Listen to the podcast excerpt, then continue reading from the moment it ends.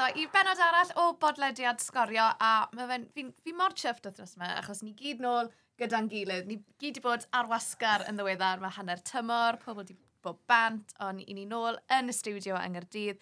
Mae Dylan Ebenezer gyda fi, a mae Ifan Gwilym gyda fi. Helo, Helo. chi'n oce? Okay? Ie, iawn, diolch. Fi wedi bod ar radio, a mae headphone head fi. Mae'n cwyn mwyaf. Os oes o'n gallu... Fi'n gwybod mae yna headphones gwahanol i gael, ond yeah. mae'n ma, ma mynnu bod ni'n cael rhain gyda strap o top y ben. Os rwy'n allan yn gallu creu rai just o gyfer fi, sydd ddim yn chlan yn gwallt i, neu rhaid siaf am hen. Wel, na, ie, yn union. E- byddai'n mynd hir tu ôl ti. Fi fydd yn odd rhan out fi, fi definitely ddim yn mynd i siaf am hen. Oh, a strong look. Yr hyn i sydd just yn gwrando ddim gwylio, mae dyn ni gris gwych retro fel teirnged i chwaraewr arbennig heddi? Ie, yeah, Andres Bremer, uh, pan ni'n recordo wedi marw ddoi, um, a thennill wel, sgorio'r gol fuddigol wrth i uh, gorllewin yr Almain uh, ennill Cwpan y Byd 1990. A gobeithio sôn am major tournaments a'r Almain. Mm. Dyna'r yeah, gol i, i Gymru nesaf. Ond ie, yeah, Andres Brym yn... Um, ie, yeah, y tîm na'n ffantastig. Gyda Lothar Mateus a Brym a Clinsman a Fwla. The friend, Clinsman. Nath Cymru i Ciro nhw ddim spel ar ôl ni. Fi'n cymryd o'r Cris yma nhw'n gwisgo. Ie, ie, ie. Achos mae hwnna'r llun enwog o Ian Rush oh, yn, yeah. gwisgo, yn gwisgo Chris Jürgen Klinsmann achos wnaethon nhw'r shirt swap. Er, pan nes i gweld o Jürgen Klinsmann, oedd e ddim yn really cofio'r shirt swap. a ni'n um, really excited. There's an iconic picture of Ian Rush in a Germany shirt. A dde ddim yn really gwybod be o'n i siarad yeah, amdano. Siŵr, mae'n yna sweithi mwyau i Gymru. Either, yeah, yeah, like, siŵr yeah. fel, oh, well, yeah. An unfortunate blip. Yeah. Ond yeah, just yn gyfle, fi'n cofio'r final Italian 90 na, pan mynd allodd yr Almain. Ond y gyd fi'n cofio, oedd pawb, wel, fi o'n ffrindiau, gymaint o ryddhad bod uh, Gorllewin yr Almain wedi ennill yn erbyn Lloegr yn y pedwar ola. Ddim wedi poeni pwy yn ennill y ffainal. So ie, yeah, sori, Lloegr. Na, mae fe'n braf iawn cael bod yma gyda'r ddau chi. Fi a Dylan, di siarad yn barod bod yma ar y radio. Do. To mae pobl fel, yn gweud o, maen nhw'n dyn o lan i fel text romantic o'i partneriaid nhw neu be bynnag. Fi jyst yn dyn o lan i texts o Ebsi yn gweud, helo, ti'n gallu dod ar dros brecwast, please? O fewn yr hanner awr nesaf. I siarad am Aaron Ramsey. O'n i'n yn gwely, o'n i'n fel, ie, yeah, unrhyw beth i ti, Ebsi. Diolch o fawr, diolch o fawr. Reit, mae na lot i drafod, achos fel wedys i, ni gyd i bod bant, ni gyd i bod arwasgar, ond ie, yeah, Ifan, ti moyn rhedeg trwy popeth sydd wedi bod yn well, digwydd yn, yn, yn cyngreiriau yng Nghymru? Wel, fi wedi bod yn un o'r hynna sy'n off bant o hanner tymor, so fi'n teimlo bod fi wedi yn dal amlan. Uh, nes i cael penwthnos bach neis yn, uh, yn y Phoenix Trophy. Um, so, lot o bobl ddim yn gwybod beth yw'r Clws Phoenix, ond mae fe'n Clws ah. Invitational. Uh, fel Champions League ond ar gyfer tîmau non-professional a draws Ewrop, mae yna ddeuddeg clwb a o ddeg gwlad gwahanol a tymor yma, am y tro cyntaf mae yna dîm o Cymru, sef Llenilltid Fawr, so o'n i lawr yn Llenilltid Fawr, a nhw'n croesawu tîm o Copenhagen, BK Sgold, uh, a curo nhw, uh, gyda deg dyn, so oedd hwnna'n ganlyniad mawr achos BK Sgold yw'r holders, a nath nhw ennill y tlws tymor diwetha yn San Siro, Milan. Do fe? Yeah. Wow. So, o'n nhw'n gweud, a profiad anhygoel i nhw. So, rhyw boi o Milan sydd wedi wel, clwb o Milan, Brera, um, sydd wedi trefn dechrau fe. Um, felly, yeah, dyna'r cysylltiad Milan. Ie, uh, yeah, na, just braf gweld. Mae'n ma, ma, ma, ma bach o hipster uh, tournament. Felly... Sŵron, Ifan Gwilymaidd iawn, iawn. So, Sa'n surprise nes ti ffindio dy ffordd di a neud eitem ar hwn. Ie, rhyw foes di rownd at ei gilydd. Fe fe, nhw fe, Ifan. Fydde ti'n cemder yn yr eidl. Ie, ie. Mae'n gret. Ie. Na, oedd e, e'n hwyl ysbryd a, ie, bach o cult following gyda Llenillid Fawr, gyda Boca Juniors a pethau mm. felly. Oedd hwnna'n rhan o'r rheswm a gathen nhw y gwahoddiad yma. So, ie, yeah, really braf cael bod yn rhan o'r profiad nhw. Mae gen nhw un gêm bach arall yn ebyn Enfield, sef y clwb cyntaf o Bryden i fod yn fan-owned. A dyna ni'n rhesymau pan mae nhw uh, wedi cael gwahoddiad. Ond mae'n clybiau eraill fe FC United Manchester, amlwg fel protest club, a um, mae'r lleill yn dod o llefydd fel Fyndir, Gwlad Pwyl, Ffrainc, mae'n ma dros y lle gyd. Nice. Bydd hwnna'n ddiddorol. Ys i gêm gynta y Bangor newydd, 1876, oedd yn erbyn yeah. FC United o Manchester. Bydd yn ddiddorol gweld nhw'n erbyn Clwb o Gymru, achos mm. o'n wyth y cryf am chreu yn Bangor. Rhaid ni, oedd Bangor ddim wedi setlo i fod yn deg. Ond ie, fag, so oedd yn dipyn yn gystadleuaeth. Gwefannau sgorio, wrth gwrs. yr Ie, wrth gwrs.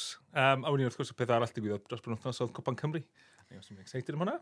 Ebs i a fi, yn y bala, So, ie. Yeah. Dair, yeah, tair gol i ddim yn erbyn mynydd y fflix. Yn digwydd, rili. Really. Oedd dim, o dim e? arwydd o sioc. Mae'n cyn teimlo bod y bwlch wedi tyfu lot. Carden coch arall e i boi, ond... Rob Hughes. Rob Hughes. Rob Hughes. O'n i'n meddwl bod beth o'n i wedi gweld yn classic game Rob Hughes, lle mae'n dangos sgil gwych. A wedyn i Carden coch. Ie. Ie, yeah, chi'n gweld, chi gweld yn digwydd, a just wedi cael cedi melyn, a wedyn gwthio, wedyn dadle, a dal i ddadle, gan y yeah. cael. A dim oedd, oedd menydd ddim yn mynd i gael canlyniad, ond o ti yn tymlo, unwaith gath ar garden coch, le, yeah. game over. Oedd. Oedd chi'n... Mae'n cyrraedd... Yn y cwpa nawr, chi'n chi gweld pedwar ola sydd wedi cyrraedd y pedwar... ola... sorry, y pedwar uchan y gyngor sydd wedi cyrraedd y pedwar ola. Mm. A sydd nhw'n ysgoi gilydd. O bron yn anorfod bod e yn mynd i ddigwydd. Dim bai nhw e, ond eto mae fe'n mm. bach yn drieni, bod ni ddim wedi cael sioc. Am o'n i, mae cyrraedd yr wyth ola i mynydd y fflint yn dipyn o beth, gan ystyried yeah, bod nhw'n drydedd yeah. hain. A di tipyn o gêm rhwng Met a Chod, Bai yeah. Colwyn, ond yn bach o cracker. Wel, dim, dim syndod tawr, un oedd agosat fod yn sioc i'r pedwar ucha oedd yr unig tîm arall o i'w gyngor Cymru oedd yn yeah. rownd yr wyth ola. Mm.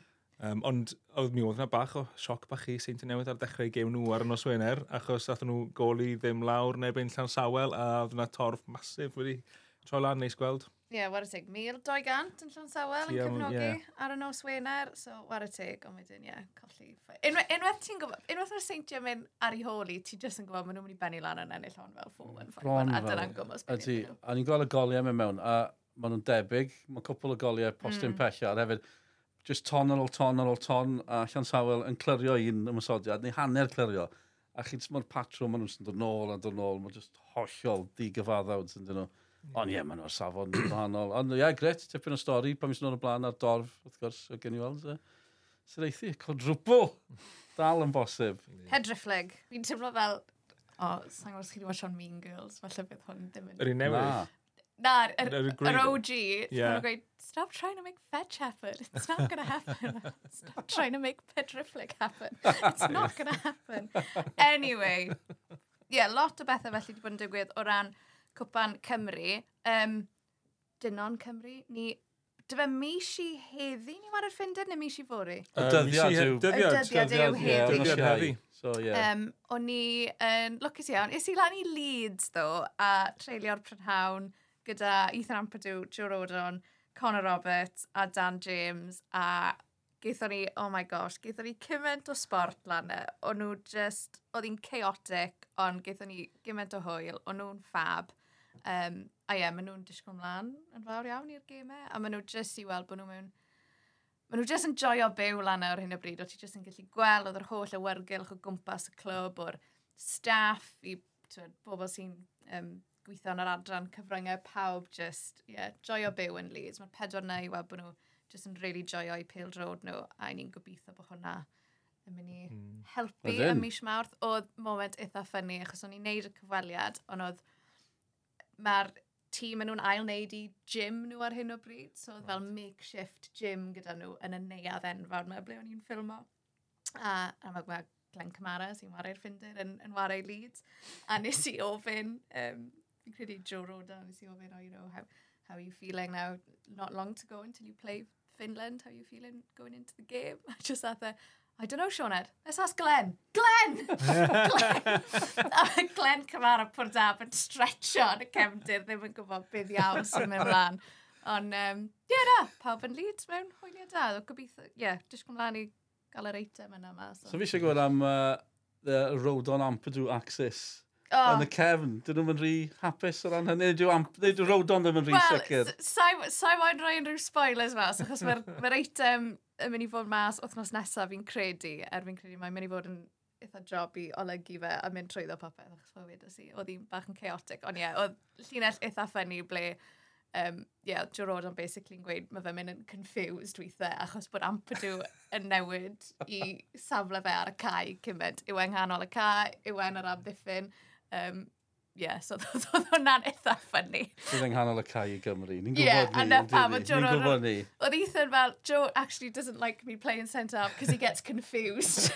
so, na, war y teg. A gaethon ni groeso lyflu gan y clwb hefyd, oedd e'n lush. Mae'n diddorol gweld, tiad, grŵp yn Leeds, grŵp yn Ipswich. Ipswich. Mm. Mae jyst ti fel yr ecosystems bach yn o chwaraewyr Cymru, just ar draws, yeah, ar draws y big company. Mae'n gyd yn dda. Maen nhw gyd yn neud yn dda. A hefyd David Brooks i Southampton ar hyn. Maen nhw gyd, ie, yeah, yeah. brwydroi gyda... Oedd na gyfnod lle chi'n mynd, o, mae rhaid i bob fod yn Premier League. Os ots bod nhw'n bain gymplydd? Na, chwarae'n gyson i'r brifbeth, fe. A hefyd, mae Leeds yn wario mor dda. O'n i yeah. yn stadiumswansea.com, oedd yn stretha, pan gollodd Abertawe, beth yw'r gol i ddim. A oedd Abertawe yn shocking, fel o'n i'n awful, ond oedd Leeds yn hollol mm briliant. O'n nhw ddim yn edrych fel droi dîm sy'n waren yr un gyngrau, i fod yn onest. Oedd e'n eitha embarrassing o ran Abertawe. Yeah. O gym nesa Leeds yw Caerdydd hefyd, ie. Yeah. Nes i weld y gym arall, y gym gyferbynnol, yeah. a ond yn ffantastig. Yeah. Gym oedd... Leeds yn illodd hwnna, dwi fe? 1-0 fi'n credu. Ie, yeah, 1-0 yeah. A wedyn maen nhw'n mynd i Chelsea, os nesaf, yn yr FA Cup. So, wythnos Othnos fawr i Leeds. Um, sorry, fi wedi trefnu bach o Leeds. Wel, na, ma da fi, ma da fi deulu. Mae yna ma rhywbeth am, ma na genhedlaeth yn ardal Aberystwyth, fi o ardal Aberystwyth, fi'n bang ymlaen tro amser. Lot fawr o gefnogwyr Leeds na. Chi chi dyddio nhw. Fel, to, mae nhw'n i 60 cynnar dyddio yma. Oh my god, fel dad. Yeah. So, yn tyfu lan, o dad, and obviously, ni'n dili cefnogi Abertawe, ond o dad yn obsessed gyda Leeds, a nath e, pan ffynedd yma e os bod fi'n mynd lan, a dde ffono fi ar y ffordd lan, a dde fel, oh, spel yn ôl, oedd mug Leeds United i fi, ond nath e smasho. Ti'n credu os oes 5 munud sbar ti, ti'n bolo mynd i'r club shop a prynu mug Leeds United i fi. So, dad, newyddion da, mae'r mug da fi, yeah, mae fe yn y car, nice. na'i roi i ti tro nesa. A yn tyfu lan, oedd dad yn dwlu ar Peter Lorimer, a right. oedd budgie gyda dad, a nath e enwi'r budgie ar ôl Peter Lorimer. Ond nath Peter Lorimer hedfan mas o ffenest y gegin, oh. a it's very traumatising. Wow. D yeah, so... Um, On ie. Lori yma hefyd gadael Leeds ar yr un pryd. Yeah. yeah. Symydig oedd yr un diwrnod. Fydde hwnna'n spooky fydde fe. Oh, na, na, fi hefyd mae chreu'r Cymru mewn lle, lle da, rhai, o, rhai ohonyn nhw. Rhai ohonyn nhw, ie. Na ni wedi na, fi'n credu. Achos ie, yeah, ebsi, ddoen ni'n siarad ar y radio bore yma am Aaron Ramsey, a ie, yeah, o'n i...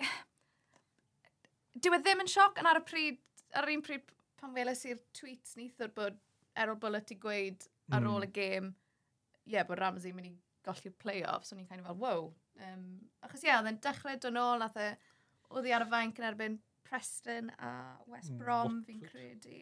A wedyn, ond oedd e ddim yn y garfan i fynd lan no. i Norwich. Na. A ti'n dechrau meddwl, hmm, uh -oh. okay, ond... Y Setbacks arall, a mae yr un peth i Rhys Norrington Davies sydd wedi bod mor anlwcus, yeah. dechrau dod nôl a wedyn i yr un peth dy fe. Mae yeah. fe allan am weddill tymor.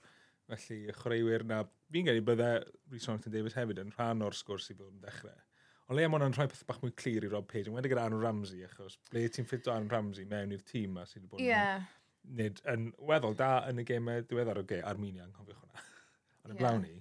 Wel, o'n i'n, ie, yeah, na beth o ebsio fi'n siarad amdano.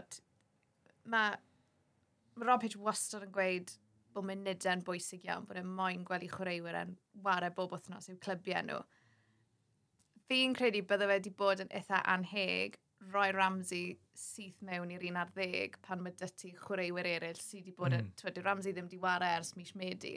Fi'n credu so Ramsey ddim yn syth mewn i'r un ar ddeg a dod yn amlwg yn ddim byd yn erbyn Ramsey o gwbl. Ond fi'n credu bydde hwnna jyst wedi bod yn risg enfawr o ran i ffitrwydd e a fel wedys di fan. Mae'r tîm wedi bod yn neud yn iawn hebddo fe. Ond fi'n really yn gobeithio fi'n siŵr bydd hwn dal yn digwydd twyd, yn y gemau diwetha i Gymru pan dyw e ddim wedi bod digon ffit i wario, mae fe dal wedi bod yna mm. gyda'r garfan. Do. Basically yn eistedd ar y fainc yeah. gyda'r tîm, um, a fi'n siŵr newn ni weld hwnna eto. Fi jyst yma, fi'n cytuno cant y cant, falle bod yn ei pethau'n haws, achos fi, yn, fi dal yn rhyw nagging doubt dy fi byddai Robert Page wedi dewis e, yeah. hyd yn oed sef e ddim quite yn, ddim yn agos i fod y cant y cant. Ni sy'n meddwl nôl i cwpan y byd. Mae'n ffyddlon iawn we. Ydy, ydy, ie, ie. gyndyn i adael yr enw mawr allan hefyd. Mm. Hyd yn oed os mae'n arbeth gorau, wel, well, fi dal yn mynd nôl i cwpan y byd a Bale a Ramsey oedd yn trof ar y ddoi yn nhw pan oedd, wel, lle chi ddadle, dim angen nhw, dim un yn hwn. Na, mae'n anheg iawn. Ond mae'n gwneud peth lot mwy syml. Fi'n credu... Odi. Cadw peth yn syml, mae'n helpu unrhyw reolwr. Mae dal llwyth o, dal rwy'n goffod cael ei dadl ar y fainc. Yes. Mae'r ymysodwyr na, mae'n hyfach chi'n mynd Ampadu a JJ, obviously. Young JJ. Mae Brooks yn chwarae mor dda, Wilson, Dan James, Brennan Johnson, Kiefer Moore, tio, grit, sorted. Mae'n syml yn ni. Cyn i ni symud blaen, achos uh, mae yna eitha lot o newyddion tu ôl i'r llenni o uwch gyngor Cymru drafod, ond fi moyn sôn am Tom Lockyer, achos mm. i ni wedi gweld e trwy'r penwthnos, um, oedd e ar Super Sunday yn neud gêm Luton, Man United ar Sky Sports. Wedys i cyfweliad really nice nath e ar BBC Breakfast a sa'n siŵr os ych chi wedi gweld y clip. Fi'n credu taw Sky Sports nath roi'r clip mas ohono fe heb i gris mlaen yn esbonio'r llawdriniaeth mae fe wedi mm. cael. Mm. Sa'n so, ti wedi gweld e. Mm. So basically mae, gynt gyd mae fe just yn anhygol i weld bod e'n ffain a mae fe i weld yn gret a mae fe i weld um, bod e'n neud yn really dda. Ond basically mae yna fel box dy fe o dan i fraich. A ti'n gallu gweld y box fel yn stico mas o dan i grona. Um, a mae'r box na basically... Sorry, mae Ifan yn mynd yn sgwyr beth fan hyn. Mach yn light-headed. Dwi'n gorfod lawr. um, a mae'r box, basically, os yw'r un peth yn digwydd eto, mae'r box yn mynd i sioco galon e. Yeah. Nôl, a dden esbonio'n gymwys fel y llawdriniaeth, beth sydd wedi digwydd. O'n i fel, oh my god, mae gwyddoniaeth. Mm. Mae fe just yn amazing, y ffaith bod nhw'n gallu gwneud hwnna. Ond ebsi, just, yeah, great i weld. O, fi'n gwybod, nath y dar, tra pam ti'n gwrando am eich gyfaliad, a ti'n ti gwybod y hanes, a ti'n teimlo dyn yn mynd fel, o! Mm. Oedd e'n mor emosiynol, oedd e'n sôn am y gêm, oedd hi dad e a'i gariad e yn y gêm. Mae gariad e'n disgwyl Mae hi'n disgwyl, a ddi fame a'i frawd e gatre yn gwrando ar y radio. A ddi fame wedi cedd efo'r ddedd, ddi fame wedi fy mas o stafell, a doth hi nôl mewn i stafell, a ddi frawd wedi troi radio bant. A ddi fel, pam ti'n rhoi'r radio bant? A ddi e goffa mynd. Esbonio beth i digwydd. Ti'n fel, o, na'r peth, pan mae'n taro chi, mm. chi'n meddwl am y chrwyr, chi'n meddwl am pawb arall yn gwrando. Mm. Just, a chi jyst yn falchfren iawn, nag chi, chi'n cael y teimlad, o, mae'n amlwg bod eisiau chwarae eto, ond mae'n amlwg. Chi'n credu bydde fe wedi bod yn dechrau gyfeiriad. O, ie. O, dde'n wych. O, dde'n ffantastig. Cipol, dwi'n wedi cael dim look, ond mae hyn yn ddifrifol dros ben. Ond cyn hynny, oedd e mewn y mas am... Mm. Och, mae'n edrych fel chwaraewr arbennig, ond ie, yeah, byddai'n gret gol ar y cae, a fi'n credu swnio fel bod e'n derbyn, mae fe jyst angen gwrando'r cyngor y meddygon, a yeah. jyst gweld beth ddaw. Croesi bysedd. Mm.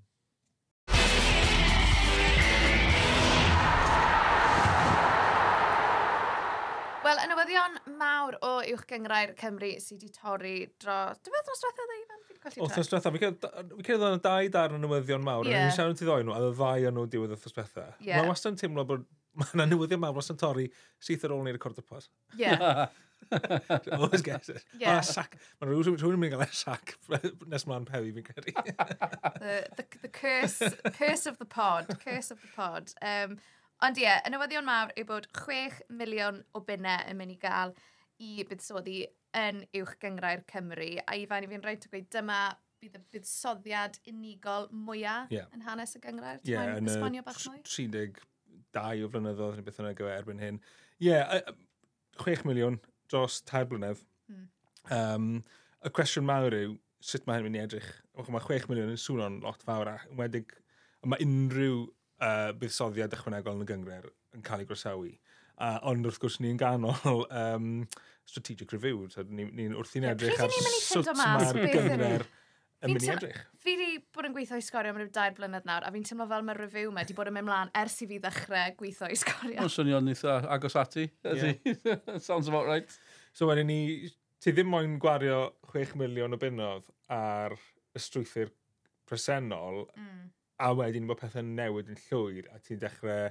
Dod, mae yna ma wastraff i gael yn, yn hynna os, ti'n, os ni ddim yn gwybod beth sydd angen ar y gyngres. So, mae eisiau ni siap lan ar hwnna gyntaf. Mm. A wedyn ni, fi'n cael ei gallu chwech, maen nhw'n mynd yn eitha pell os ni'n gwybod ble ni moyn cyrraedd. Yeah. Ond os ni ddim yn gwybod hynna, mae chwech miliwn yn gallu mynd yn eitha cloi heb bod e'n neud lot o yeah. wahaniaeth. Mae fe'n... Swno fe lot o arian, mm. ond ebs i fel wedodd ifan, mae fe'n... O be fi wedi darllen hyd yn hyn, mae... Mae popeth i weld yn eitha feg ar hyn. Ydy, ie, yeah, na'r peth. Uh, y glo man sy'n bwysig, na gyfe, the devil's in the detail. Ni jyst ddim yn gwybod, mae fe'n gret, mae'n rhyw fuddsoddiad yn wych na'r man cychwyn yn amlwg. Diddorol gweld le fydden nhw'n gwario fe, mae'n diddorol gweld sut chi'n rhannu'r arian, 12 clwb ar un o bryd dros dair blynedd, mae'n mil... ma brawychus pa mor gyflym y 6 miliwn yn gallu yeah. mynd. Yeah. A os mae yna sôn am fwy o glybiau, ni ddim yn gwybod eto, pwy o yn, byddai'n aros i weld, os oes yna fwy o glybiau, wel eto, mae fe'n llai o arian fedd. Yr, yr hyn sy'n taro chi, maen nhw'n sôn, maen nhw'n cael y teimlad, maen nhw'n sôn lot am y strwythyr a'r ail strwythuro a mm. ochr tu ôl y llenni gyda'r clybiau, ochr, ochr weinyddol ac ati. Mm. Ysgwn i os mae rhyw lawr y llwybr yna, maen nhw'n mynd. Achos fi'n cymryd, mae'n arian ta beth ar gyfer helpu meisydd mm. ac uh, adeiladu yr isadeiledd. Ie, yeah, mae hwnna ar gyfer y gyngred. Ie, yeah, so mae hwn yn mynd i rhywbeth arall, byddwn ni'n tybio. So, mm beth, bryd, ble, sa'n gwybod, sa'n gwybod, ond gret, yeah, gret bod nhw'n cymryd y pethau o ddifri, oedd angen hwb, gan i weld syreithi nhw. Yeah. Fi'n fi fan mawr o syniad o, o mynd lan 16, a fi'n gwybod mae hwnna wedi bod yn rhan, fel ti'n gweud, mae'n ma rhannu'r pot yn fwy, mm. mae'n stretcho'r pot yn, yn fwy. Ond... Ond mae'r pot yn fwy. Mae'r pot yn fwy, dyna'r beth. Sy'n gret. A mae troi fe lan 16 gweud, fi'n meddwl, sy'n gret, ond dwi e ddim yn mynd i fod yr ateb i popeth, mae'r haid i gael y popeth arall i fynd gyda fe. Mm. Yn gobeithio dod yna lle bydd y 6 miliwn, achos fi ddim yn meddwl bod e'n mynd i ffixo torfeidd. Dwi e ddim yn mynd i ah. ffixo sut mae pa mor gysadleuo'r yw'r gyngred, ys dwi'n mynd lan i 16, heblaw bod ti'n gwneud lot o pethau eraill hefyd, a dyna lle gobeithio wneud yr arian dod yn handi. Ie, yeah, mae yna lot o sgyrsiau i gael o ran yr ail strwythura, fi'n credu. Ie, yeah, lot o benawdau, na'r peth. Yeah. Oedd ddim lot o fanylion. So, yeah. mm, mae'n anodd iawn trafod e, blaw, mynd, o, mae'n gret, dach chi weld beth maen nhw'n neud gyda fe. Ie. Yeah. Cos i fi'n iawn yn gweud weles i, felly, si ti'n gwybod mwy na fi, weles i stori bod mwni di gwahodd clybiau llawr gwlad os maen nhw'n moyn treialu waren ystod yr haf, bod croeso mm. i nhw'n neud hynny. Do, e i ni'n mynd i ddechrau gweld... Yeah, do nath e sôn am hynny, mae fe wedi crybwyll hynny. Ifan yn siglo sigloi benne. Mae pawb sy'n gweud bod yn... Mae pob peth chi'n cynnig, mae pawb yn gweud, o, mae'n gymleth. Fel ti sôn, mwy o glybiau, mae rwy'n mynd, wel, be byddwch chi'n cael yw lot o glybiau gwael ar y gweilod. Dwi'n gwybod ni. Dwi'n dwi'n siŵr ni stopo deifeg, yeah, bod yw'r e-bus a yeah, dyrwyddo'n cefn yn bod yn stinkl yn y gwylad. Ie, mae pob pawb yn gweud, o, byddai'r hafn am amhosib, ac pobl yn chwarae cricket. Fel, tuff. Yn personol. Dwi'n fel, ydyn, ond mae'r gyngrair yn gyngrair, hob, oh, mae'n swnio'n beth gwael i weid, ond mae'r chwaraewyr ma, os un nhw'n hoffi chwarae cricket yn y haf, ffain, hmm. hobi yw e, yn y hmm. bôn, mm. mae'r pobl ma'n cael ei talu tipyn i chwarae peldroed. Yeah. Rhannol broffesiynol, lled broffesiynol, hmm. rhai yn broffesiynol. Yeah. Felly fi'n mynd gael dyle hwnna fod yn rwystyr i, i newid pethau no. sy'n eisiau. Ond on yr un peth gyda mynd lan 16, fi'n credu bod rhai pobl yn meddwl bod symud i'r haf yn mynd i bwsto torfeidd automatically a... Yeah a, a sa'n cyn i bydd e, mae ma yna lot o digwyddiadau yn y haf, os o'n nhw'n gêm rwy'n di terfynol, neu mm.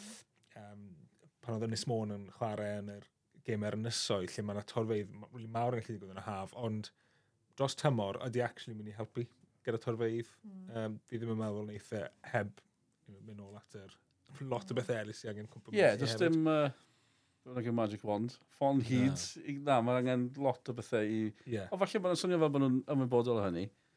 Gen i weld. Fi'n eitha licor syniad, sa'n credu bod yn bosib achos canllawiau UEFA.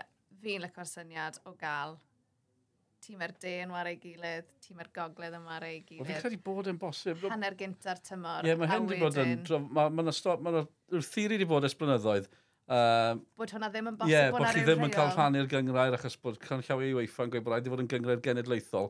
Ond fi'n credu, o siarad o rhai pobl yn ddiweddar, le maen nhw'n mynd, wel na, gallech chi gael rhan gyntaf tymor, gweld gwefo 16 clwb, eich ti gael 8 yn y de, 8 yn y gogledd, chwarae rhan gyntaf tymor, wedyn ni ail rhan y tymor, maen nhw'n Yeah. Ddaliwch am y Davies! O, oh, yeah. gymaint o hwyl! A, a wedyn mae rheini sy'n ffindo y, y broblem. Mae angen pobl clyfar i wedi, actually na, fydd hwnna ddim yn gweithio. Achos, beth wedyn yw... Beth... Yeah, fi'n siŵr beth pobl ar Twitter yn gweud, o, dwi'n siŵr y Dylan ddim yn gwybod. Okay, Falle yr oeth ucha yn llawn oeth clwb o'r gogledd. Er enghraifft, allai ti gael bod y split ddim yn digwydd yn dig. Felly mae yna bethau cymleth, pwy fydd yn disgyn, pwy fydd yn esgyn. Ond, mae'n ffordd o ddatrys y problem yma. Mm. Find me a solution, not a problem. Na beth fi'n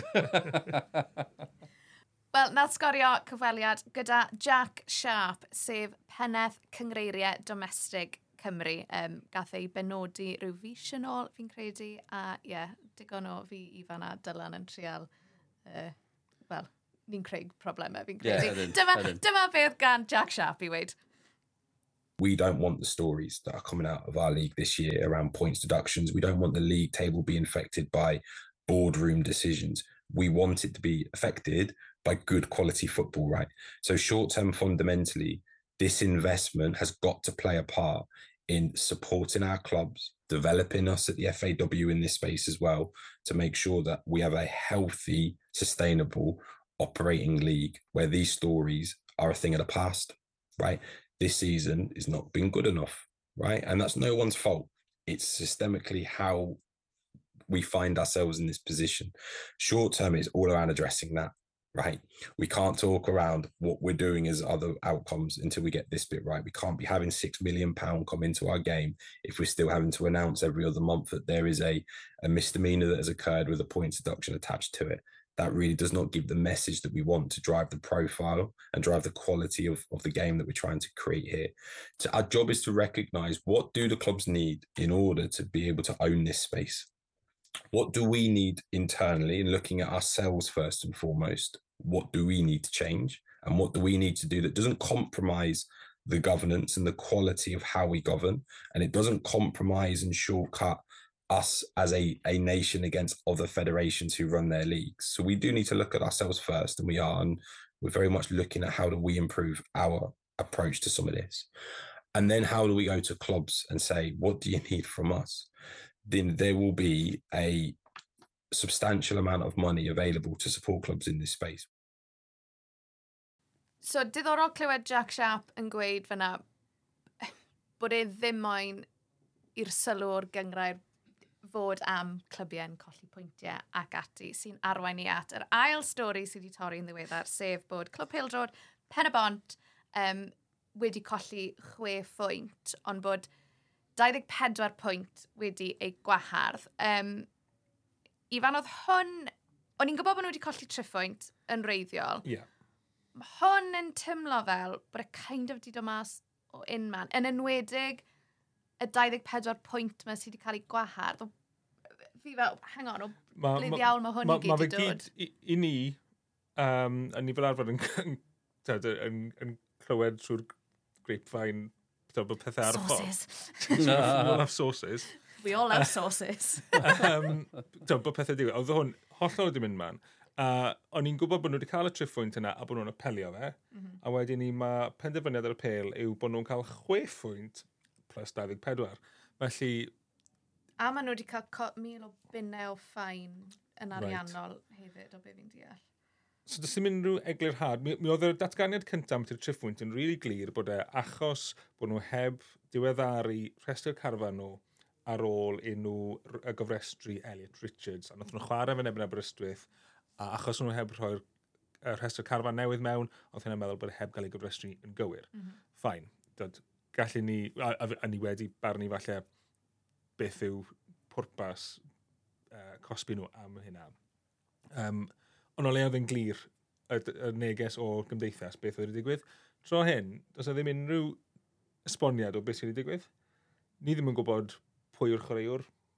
Fi wedi clywed pethau gwahanol, felly so'n ni siarad beth yw'n arall, achos a'n gweld pa'n sy'n wir. Yeah. Ond mm. na beth sy'n digwydd pan ti'n cael datganiad sydd ddim yn glir, mae'n o vacuum yna, a mae yna storys yn mynd i ddod allan i fe, a dyd, sneb yn gwybod, mm. braw am falle y clwb a y gymdeithas, beth sy'n actually digwydd. Um, ond byddwn ni'n tybio bod yna chwaraewr arall yn, yn rhan o hyn, a bod y chwe phwynt yna yn cynnwys triphwynt am Elliot Richards a triphwynt am chwaraewr arall. Mm. So maen nhw wedi trial mynd am yr un uh, egwyddor nath nhw wneud, nath yr uh, arbitrator neu gyda Pontypridd a wedyn maen nhw wedi suspendo popeth arall. Ond mae hwnna yn pure speculation, achos yeah. does dim unrhyw manylion yn y datganiad gan y gymdeithas. I fi, fi bach yn confused am yr holl beth, a os i fi'n hollol onest, fi'n teimlo fel bod e'n harsh ar ben y bont yn bersonol. Yn enwedig pan i ti'n meddwl bod pont y pryd wedi sefyllfa nhw a be wnaeth o nhw, neu be apparently o'n nhw wedi wneud, cymaint yn wath, os allai weid, ond bod nhw a Ffen y Bont wedi cael yr un gosb. A yeah. fi'n cadw meddwl am cyfaliad nath Rhys Griffiths, reolwr Pen y Bont, gyda sgorio pan ffind nhw mas bod nhw'n colli'r triffwynt greiddiol. A nath Rhys Griffiths basically just gweud, mae angen help ar y clybiau yma. Os taw just camgymeriadau gweinyddol, onest, i ni'n... Fi'n credu mae fe'n hawdd iawn anghofio mae gwirfoddolwyr sy'n gweithio tu ôl i'r llenni. Felly, twyd, ni'n siarad am yr Comet app yma, twyd, yw... Ie, yeah, mae fe, ma fe just... Ti'n anghofio beth sy'n digwydd tu ôl i'r llenni. Mae'n nid pob proffesiynol dylan sy'n gweithio yn y clybiau. Mae'r gyngor yn dibynnu ar gwirfoddolwyr a gyda pob parch, mae rhai o nhw yn fwy technegol neu gildim yeah. technegol, ond fwy, mae yna rai pobl sy'n dda gyda gwaith papur, mae rai sydd ddim, fi'n ofnadwy o gwaith papur, pidwch roi fi'n agos i waith papur. A chi'n clywed y sôn am busoddiad yn y gyngrair, a'r gyngrair yn gweud bod nhw ddim eisiau'r penawdau fod am colli pwyntiau ac ati. Mae fe'n dieddol o, mae fe'n digwydd bob tymor. Felly, fi'n trin darllen rhwng y llunellau, bydd rhan o'r arian na yn mynd i helpu yr ochr weinyddol na mm. gyda'r clybiau. Pyn e bod nhw'n rhoi arian i'r clybiau gyflogi rhywun, neu bod y gyngrair yn, yn rhoi yn cyflogi rhywun i edrych ar ôl pob clwb a gweud, yw hwn yn iawn, yw hwn yn iawn. Ydych chi wedi cyfrestru'r boi na'n iawn. Just, mm. Mae rhaid fod yn ffordd, mae'r system comet, mae fyna. Er, mae systemau cyfrifiadurol yn y penawdau yn aml am pethau mynd yn anghywir. Mae yna rhaid bod yna rhyw ffordd o just wneud yn haws a, a fel ti'n gweud, helpu'r clybiau, fel bod nhw ddim yn gwneud y camgymeriadau yma. OK, so maen nhw wedi cael 24 pwynt wedi gwahardd. Sa'r 24 pwynt nhw wedi cael ei rhoi, y pen o bont i sardyn mas o'r gyngrair. Yeah, a wedyn ni, mm. mae yna risg fyna wedyn ni bod y clwb ddim yn mynd i allu ddod dros hynny yn ariannol, a wedyn ti potentially yn edrych ar, a mae pen o bont i bod yn, mae fe wedi bod yn gret i gael nhw yn yr uwch gyngrair, so mae fe wedi bod yn gret cael clwb pen o bont yn rhan o'r gyngrair. Felly, dyna faint sy'n yfantol, really. Os taw just, ti'n yn amlwg, fe wysdi ni heb gael lot o wybodaeth o'r datganiad gan y gymdeithas, ond os taw camgymeriad onest yw hwn gan gwirfoddolwyr tu ôl i'r llenni. Yeah, yeah. Os ta'r risg yw bod ti potentially yn colli clwb oherwydd hynny, yna fi'n deall yn iawn pam bod pobl fel Rhys Griffiths yn dymas yn gweud bod angen mwy o gefnogaeth yeah. gan y gymdeithas. Neu falle bod e'n absolute hawler, a bod eto yeah. ni fod yn vacuum na'n agyn ni, nid ddim yn gwybod. Yn union. Falle bod, a, a teimlad greddfol fi yw, mae rhywbeth fel AOM, mae fe'n camgymeriad, o, oh, mae rwy'n dyn ei camgymeriad a mae lot o bwysau, a mae lot o waith papur, a mae rhywbeth ddim yn o'i le. Ond... Mae rhywun siŵr o fod yn teimlo'n sic yeah, ar un o bryd. Oes. Just yn meddwl, oh gosh, nes i ddim checo e-bus fi anawr, mae hwn di digwydd. Twan, yeah, falle yeah, taw yeah. rhywbeth just mor syml a hynny yw e. Ond... Teimlad chi'n cael dy'r clybau yw bod yn bod nhw'n barod iawn i gosbi, falle bod neb yn barod iawn i helpu. O wedyn ni, falle bod, mm. falle bod hwnna'n saf, bod hwnna'n amlwg yn un ochrog. Chi ddim yn cael mm. dwy ochr y stori fan yna. Falle bod yn gymryd ysbrydod yn teimlo fel, well, come on, chi angen dysgu sut mae fod yn gweinyddu clwb yeah. erbyn hyn hefyd, ond eto, ie, yeah, mae'r mae'r vacuum na yn dod nôl yn gweud. Di, ie. Just pidwch gofyn Dylan Ebs i ddod oh, i wneud gwaith papur eich clwb please, lleol chi. Please, na, peidiwch. Ie, yes, chi'n dysgu unrhyw beth heddi. Ie, yeah, top tip. oh. Reit, edrych... Ie, wel, o'n i'n mynd... So, pen bont yn chwarae Aberystwyth gêm nesa. Um, sy'n gêm enfawr iddyn nhw. Mm. A Aberystwyth, mae pen bont nawr yn slipo o dan Hwlffordd yn y ras am y seithfed safle. Um, a Hwlffordd y chwarae bari nos Wener. Getre. Mae'n just gymaint o tîmau. Mae'r mae, mae, ma ras am y seithfed safle a'r ras yna'r gwylod mor diddorol fi. Wel, ie, yeah, a ni'n neud y ddau weilod. Uh, maen nhw'n pont y bryd, bai Colwyn, gyfartal yn ran pwyntiau. Mae hwn yn six pointer go iawn. Ar ôl colli six pointer. Ar ôl colli chi. Sorry, pont y ffridd. Ond ie, mae yn, mae yn Aberystwyth pwynt i'ch ben nhw, mae mor agos lawr y gwylodion yna, a chi'n ystod mynd, ti'n mae dau sôn yn disgyn. Mm. A chi'n gweld beth sy'n digwydd yn cyngor is hefyd, mae yna glybiau yn un yn dda. Mae gen fawr yn y dyn, mae llan sawel yn wario rhyd aman. Pan othnos ma hefyd. Rhyd aman di... Cynta'n efo'n trydydd. Really seithi lan, maen nhw'n snico lan, maen nhw'n games in hand. Ydyn, bydd hwnna'n y ddifur. Chi'n dachrau cyrraedd y pwynt yn tymor, chi'n edrych ar yr holl gyngreiriau a mynd, ww, pwy sy'n esgyn? Oedd y gêm uh, penwthnos diwetha, neu penwthnos diwetha yn gêm, penwthnos mawr i Llanelli do fe, achos nath allan sawl golli a Llanelli, oedd wedi bod yn dechrau slipo ennill yn gyffyrddus, felly mae nhw reit yn ôl mewn a mae'n mynd i fynd hyd at y diwedd, a gêm ola yw nhw'n doi yn mynd i gilydd. Hefe? Yeah. O, oh, nawr de, da iawn, trefnydd y gemau. A sy'n mynd chi'n ôl i'r pwynt, os oes na rhywbeth yn mynd i ddigwydd o ran de o'r gogledd, mae diddordeb yn y gemau yma yn y de. Mm ar gogledd, y cyngreiriau yna, mae'r mm. ma darbys yn wych. Felly, os chi eisiau tanio'r gyngrair a cynnyddu'r torfeidd na, dwi'n mynd syniad rhy ddrwg yn dweud. Mm.